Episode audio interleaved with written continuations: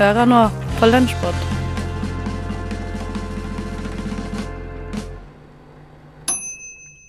Lunsjpod er tilbake med meg, Tage og Eline. Hei. Halla. Går det bra? Ja, jeg er litt trøtt. Vet du hva, jeg er litt trøtt, jeg også. Jeg har ikke helt snudd døgnrytmen etter fest og Oscar-natt. Nei, for at vi hadde Oscar-natt eh, natt til mandag for eh, ja, to dager siden. Hvor vi sendte live fra vårt pauserom her på Chateau Neuf på Radio Nova. Og eh, det var gøy, men det tok litt på, merker jeg. Ta på. Det tar på. Ja, men veldig hyggelig. Veldig hyggelig. Og eh, en fin film som vant 'Shape of Water' av Guillermo del Toro. Er jeg er fornøyd? Jeg har ikke sett den, men jeg syns eh, Faktisk, jeg må si at jeg syns at Oscar-sendingen i år var litt sånn Vet ikke. Var litt sånn safe. Det var liksom ikke noen overraskelser verken eh, av de vinnerne eller sånne ting som skjedde. Ja, det var ganske safe. Jeg savner litt skandaler, sånn som i fjor. Men uh, apropos Oscar, så har Ina fra eh, Nova Noir laget et innslag hvor hun ramser opp fem eller sånn ikoniske Oscar-øyeblikk. Og det syns jeg passer seg veldig godt å høre på nå. Oscar-utdelingen. Et kjært barn har mange navn, og likeså kan du høre Academy Awards beskrevet med store ord som glamorøst, eksklusivt og stjernespekket. Men som Hannah Montana sier, nobody's perfect. Om du er filmentusiast eller ei, kan du umulig ha gått glipp av fjorårets legendariske uttelling, hvor feil film ble lest opp under programmets gjeveste pris. The Academy Award for Best Picture La La Land. This, there's a mistake. Moonlight, you guys won Best Picture. Selv om denne tabben er blant de største i TV-historie, betyr ikke det at Oscar-utdelingen har vært plettfrie til nå. Her er fem historiske Oscar-øyeblikk vi sent vil glemme. The winner, it's a tie. Det har kun vært seks tilfeller i Oscar-historie hvor dommerne har sett seg nødt til å dele en pris på to. Den tredje, og mest berømte, anledningen var i 1969 under kåringen av beste kvinnelige skuespiller. Ingrid Bergman annonserte at Catherine Hepburn og Barbara Streisand begge fortjente en statuett for prestasjonene sine. Hepburn, som vant samme pris året før og hadde gode ti nominasjoner under beltet, var ikke til stede, så alles blikk falt på hele USAs Funny Girl. Hello, gorgeous.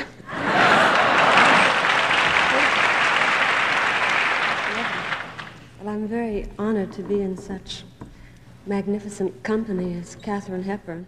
I disse hashtag metoo-dager er det mange som bruker seiertaler til å belyse viktig tematikk. Dette er ikke et nytt fenomen. I 1973 vant Marlon Brando beste mannlige skuespiller for hans rolle som Vito Corleone i Gudfaren. Publikum ble lamslått når det i stedet for Brando dukket opp en representant av den amerikanske urbefolkningen. Hello, my name is Sasheen Littlefeather.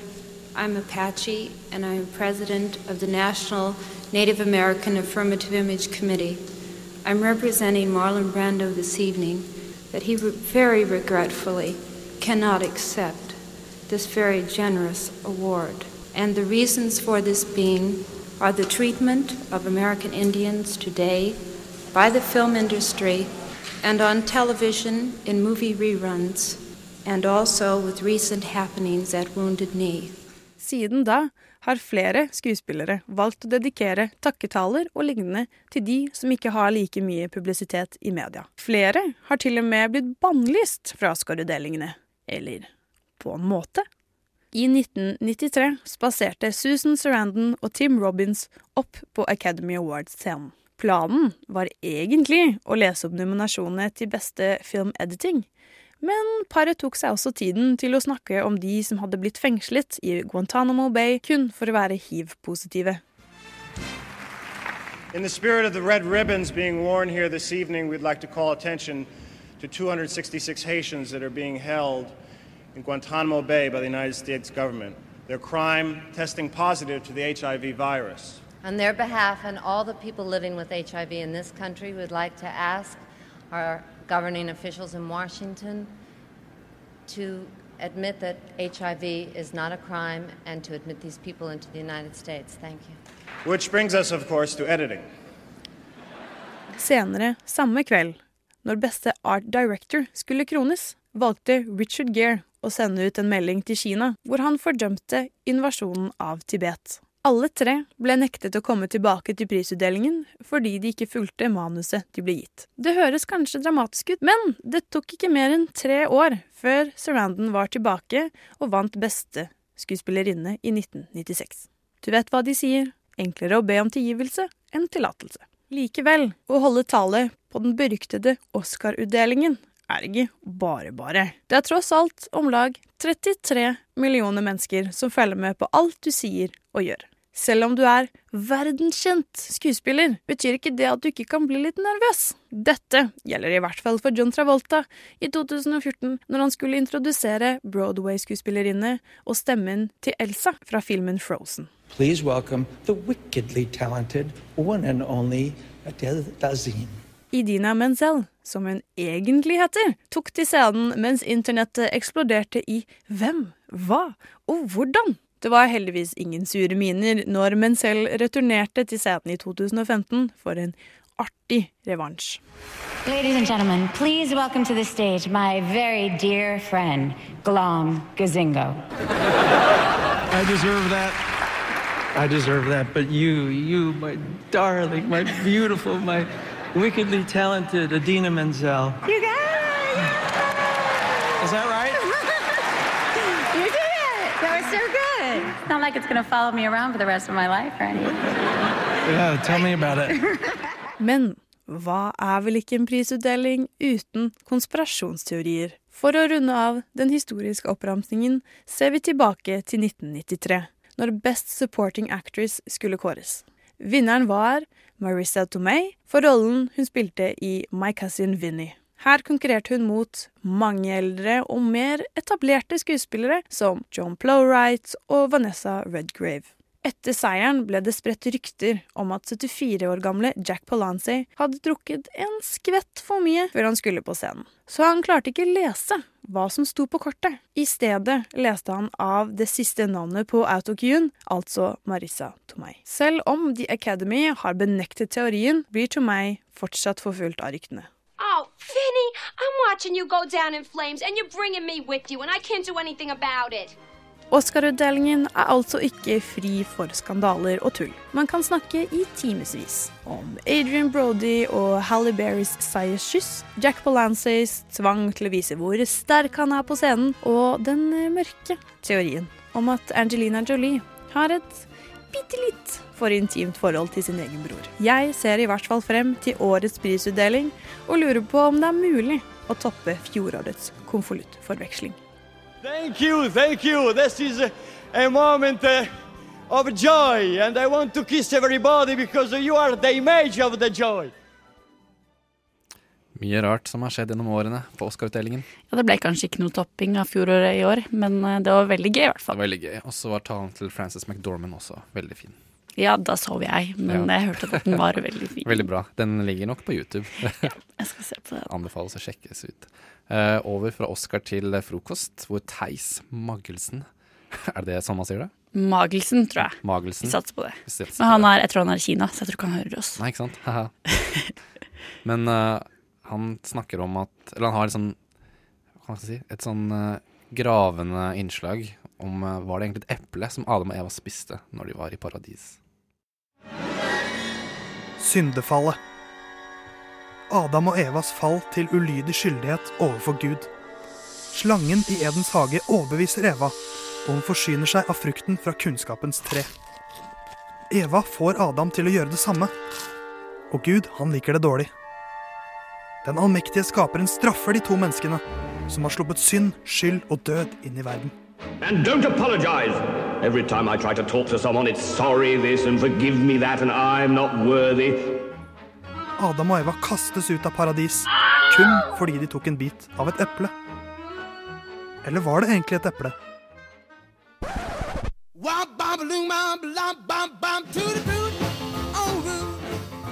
I Vesten har den forbudte frukt som oftest blitt avbildet som et eple. Men sannheten er at det er umulig å vite hva slags frukt det egentlig er snakk om i første Mosebok. I de bibelske tekstene på gammel hebraisk nevnes et tre og en frukt. Hva slags frukt det er snakk om, står det ingenting om. Eplemyten stammer trolig fra tidlige latinske oversettelser. Der brukes ordet mali. Et ord som kan bety både ond og eple. Det er altså nesten et ordspill det er snakk om her. I germanske utgaver ble også ordet for eple brukt. Men hva betyr egentlig ordet eple? Det betyr enkelt og greit frukt. Derfor vet vi ikke hvilken frukt Eva og Adam mesket seg med i paradis. Men alternativene de er mange. En teori går på at det var en drue som siden ble gjort om til vin. En annen teori hevder at det var fiken som var den skyldige frukt. I første Mosebok står det nemlig at Adam og Eva laget klær av nettopp fikenblader. Og ut fra tekstene i Koranen så kan man faktisk tolke Sydens frukt til å være en banan, som jo er ganske gøy i seg selv. Finnes også teorier om granateple, aprikos, sitron og en rekke andre frukter. Men også hvete, og selvfølgelig sopp. Men uansett hva det var som ble fortært, resultatet ble det samme. På huet og ræva ut av paradis. Så nøyaktig hva det var som ble spist, det vet bare Adam og Eva. Og kanskje Gud, da. Selmer med Palm Tree der. Det er fra Radionovas A-liste. Veldig fin låt. Mm, Og kul. eh, jeg tenker at nå skal vi egentlig bare kjøre på et, med noe helt annet, eh, nemlig et eget rom. Hvor de snakker om juridisk abort. Eh, et begrep som ikke jeg har tenkt så mye på hva det betydde før nå. Juridisk abort innebærer at mannen ønsker å fraskrive seg delaktigheten i et svangerskap. Det er da ikke mulig å vurdere dette annerledes enn et fundamentalt brudd med ønske om et mer likestilt eh, foreldreskap. Aslak eh, Syse, du er professor emeritus ved Det juridiske fakultetet her i Oslo. Og det her er dine ord, eller var det i hvert fall. Velkommen til oss på Radio Nova. Takk skal du ha. Hvor vi altså snakker om dette med eh, juridisk abort. Og da handler det jo om at man, mannen fraskriver seg all juridisk og økonomiske rettigheter og plikter. Men hvilke økonomiske og juridiske plikter eller, og rettigheter er det man egentlig snakker om? Hva er det man faktisk fraskriver seg? Ja, for å starte eh, rett fram, da, så er det ikke mulig å fraskrive seg noe som helst i utgangspunktet. Og eh, det som er eh, lagt til grunn gjennom eh, lovendringer som det har vært stor enighet om i Stortinget den siste tiden, er jo at mannen skal bli mer delaktig i samband med fødsel, barneoppdragelse, ansvar for barn mv. Det er ikke mer enn et år siden det ble vedtatt eh, lovendringer av ganske stor karakter med da overskriften 'Et likestilt foreldreskap', og som går ut på at eh, mannen skal mer inn i bildet. Det er sånn i dag at eh, hvis folk er gift, så vil eh, både mor og farskap bli tillagt i kraft av selve giftermålet. I tillegg er det sånn at eh, for foreldre som bor sammen, så vil også foreldreskap bli tillagt begge to. Men det som da er nytt, er at Stortinget har vedtatt at også der hvor mor og far ikke bor sammen, så skal far sterkere inn i bildet ved at det utgangspunktet skal tillegges foreldreskap til far, selv om han ikke da bor i lag med mor, og at det er snevre unntaksbestemmelser som, hvor mor har da mulighet for å sikre at eh, far, som da ikke trenger å ha noen nærhet til henne heller, ikke trenger å få noen nærhet til barnet, men det er en unntaksbestemmelse fra det som da er hovedregelen. Sånn at eh, i disse likestilte tider så er farskapet stort sett på vei opp som en juridisk eh, eh, tilnærming til dette, og ikke det som da ligger i dette forslaget om såkalt juridisk abort. Jeg har bare lyst på å starte med å si at eh, ordet eller begrepet juridisk abort er jo helt misvisende. Fordi at eh, abort går jo på at noe blir borte, stort sett nå i Norge knyttet til foster og spørsmålet om svangerskapsavbrudd. Enten av seg sjøl, det som da kalles spontanabort, eller ved at det utføres det som tidligere da ble kalt provosert abort, og som er ofte det som man legger i abortbegrepet. Eh, ved det som da kalles juridisk abort, så forsvinner det jo ikke noe barn i det hele tatt.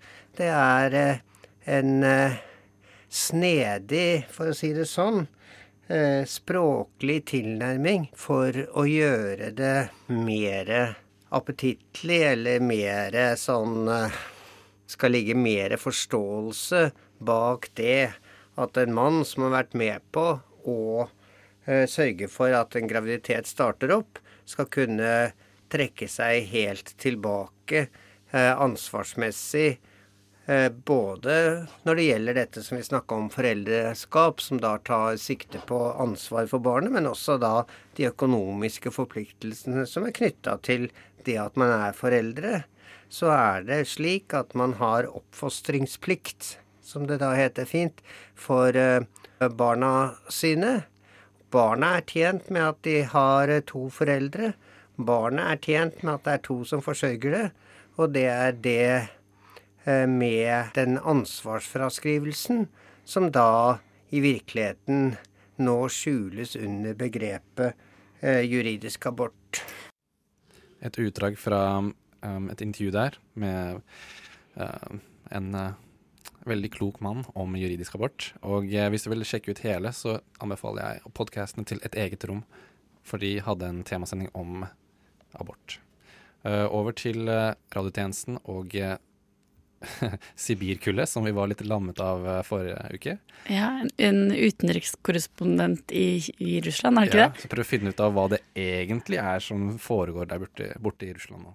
Den siste uken har Norge vært rammet av sibirkulda. Meteorologer sier at det skyldes høytrykk med kald luft som blåser fra Russland. Men tjenestekvinne Egebjerg har noen mistanker om at det ligger andre krefter bak denne kulden enn værgudene, og har i den anledning tatt turen til Nikil, en by i Russland som ligger ved grensa til Norge. Ja, da står jeg her i sentrum av Nikil. Som dere sikkert hører, er det ganske mye støy i bakgrunnen. Det vi hørte i bakgrunnen nå, er store vindmaskiner med kald luft som står rettet mot grensen til Norge. Stemmer mistankene? Blåser Russland med vilje kald luft over til Norge? Kun et par vindmaskiner her i Nikel er ikke nok til å støtte denne påstanden. Jeg må forhøre meg litt. Eh, excuse me, I am, uh, I am reporter from Norway. Uh, what are these uh, wind machines doing here? Um, I can't really talk about it, but I know there are some in every city by the border to Europe. Shh, somebody's coming. We never spoke about Oh, also, since we are already speaking, did you know that the Norway beer is actually really expensive? Actually, I need to get going. Someone is trying Have to. Have you tried snus? It's tobacco, but you put it under your upper lip like this. It's illegal to sell it here, but I have brought it from Norway. You need to get away from here. You remember the song What Does the Fox Say? It is Norwegian! Most foreigners don't know this, but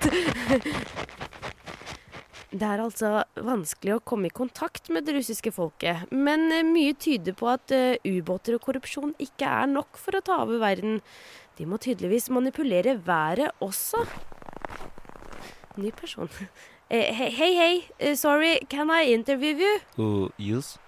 Hello. Uh, can you tell me about the wind machines? What wind machines? Along your borders you have... Um... Sorry, I don't know anything about wind machines. Oh, okay. Uh, anyway, did you see Norway in the Olympics? Uh, pretty amazing, or what? Uh, I heard you were banned. Uh, anyway, we made a new world record. It's because in Norway we are born with skis on our feet.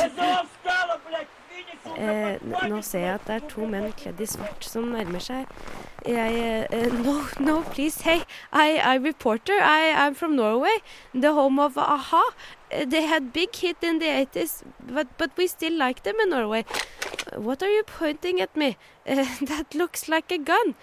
Uh, actually, in Norway, Norway is a major exporter of guns, even though we are mostly a peaceful nation.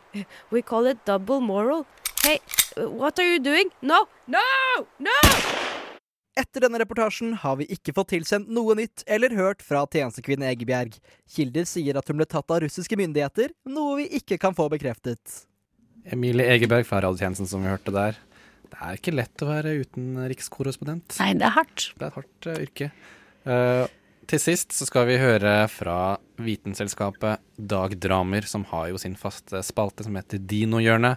Og de hadde jo temasending om mikro forrige uke. Og da må vi selvfølgelig ta seg en liten prat om mikroraptor. Blant dinosaurene finner vi de største landlevende dyrene som noensinne har levd. Spesielt én gruppe dinosaurer, de langhalsede sauropodene, kom opp i enorme størrelser. Ta den berømte Jurassic Park-installasjonen Brachiosaurus, som kunne bli hele 30 meter lang og veie 23 tonn. For ikke å snakke om Titanosaurus og Sauroposeidon, som er så store beist av noen skapninger at selv navnene deres er farget av størrelsen. Det er lett å fokusere på de store dinosaurene. Størrelsen i seg selv fascinerer. Men da kan det være lett å glemme at, det fantes tusenvis av mindre arter, og noen arter som attpåtil ikke bare er små, men bitte små. Mikro. Faktisk så har det seg slik at en av de minste dinosaurene vi kjenner til, har fått sitt navn grunnet størrelsen. Mikroraptor. Raptorene var jo kjøttetende teropoder og varierte i størrelse, men de fleste var relativt små og lette. Dette fordi nøkkelen til deres suksess lå i hurtighet og dødelig presisjon. Det eksisterte flere raptorer. Velociraptor, Pyroraptor, Utaraptor, Linearaptor og Bambiraptor. Ja, det er faktisk en raptor. Og dette er bare de artene som har ordet raptor i seg. Som man dermed kan forstå var raptorene vellykkede arter. Lean, mean, killing machines. Raptorene igjen hører til overgruppen Dromaeosaura. Noe raptorene er spesielt kjent for, er deres sigdaktige fotklør, som de mest sannsynlig brukte for å kutte opp magen på byttet, og eller henge seg fast.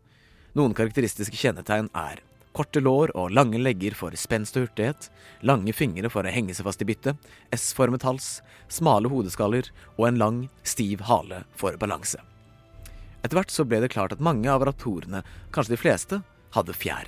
En teori gikk ut på at forfedrene til raptorene kunne fly, men den teorien er siden blitt motbevist. Det er snarere andre vei, at etterkommerne og slektningene til raptorene utviklet seg til fugler, som vi i dag vet er dinosaurer. Fjærene til raptorene hadde dermed en annen hensikt, men om den hensikten var temperaturregulering for å imponere potensielle maker eller skremme bort fiender, er uviss. Kanskje en kombinasjon? Det som er tilfellet, er at gjennom adaptasjon skulle fjærene vise seg å komme godt med siden, da glideflukt og deretter genuin flyving ble muliggjort. Mikroraptor, den minste av raptorene, og kan hende den minste dinosauren vi kjenner til generelt sett, er en av disse typiske overgang fra dinosaur til fugl-artene, som vitenskapen nå har flere eksempler på. Det begynte med selveste kongen av urfuglene, Archeopteryx, som hadde fugletrekk og dinotrekk. Men siden har flere fugleaktige dinosaurer, eller skulle vi kanskje si dinosauraktige fugler, dukket opp. Som med mange andre teorier begynte det mer som en eksentrisk tanke, dette at dinosaurene liksom skulle bli til fugler.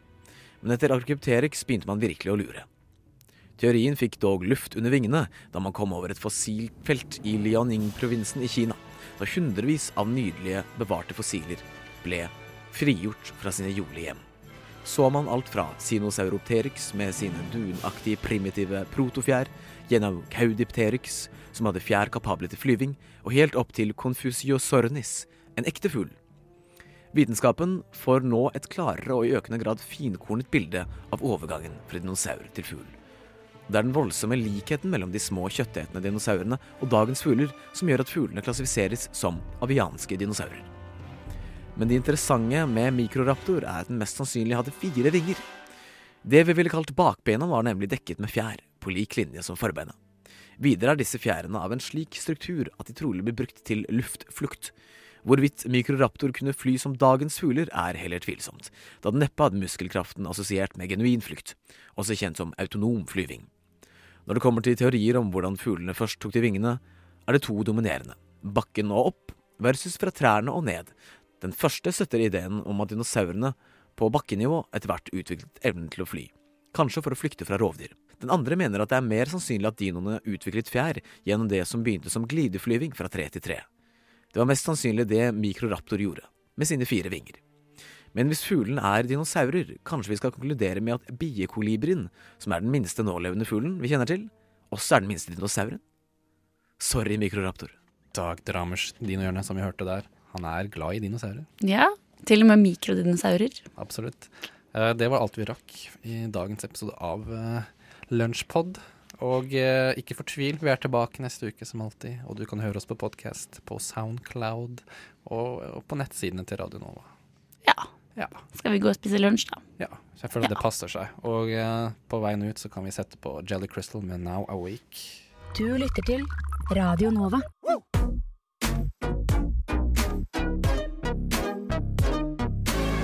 Radio Nova. Studentradioen i Oslo. Radio Nova. Ja. ja. Hva? Nova? Ja.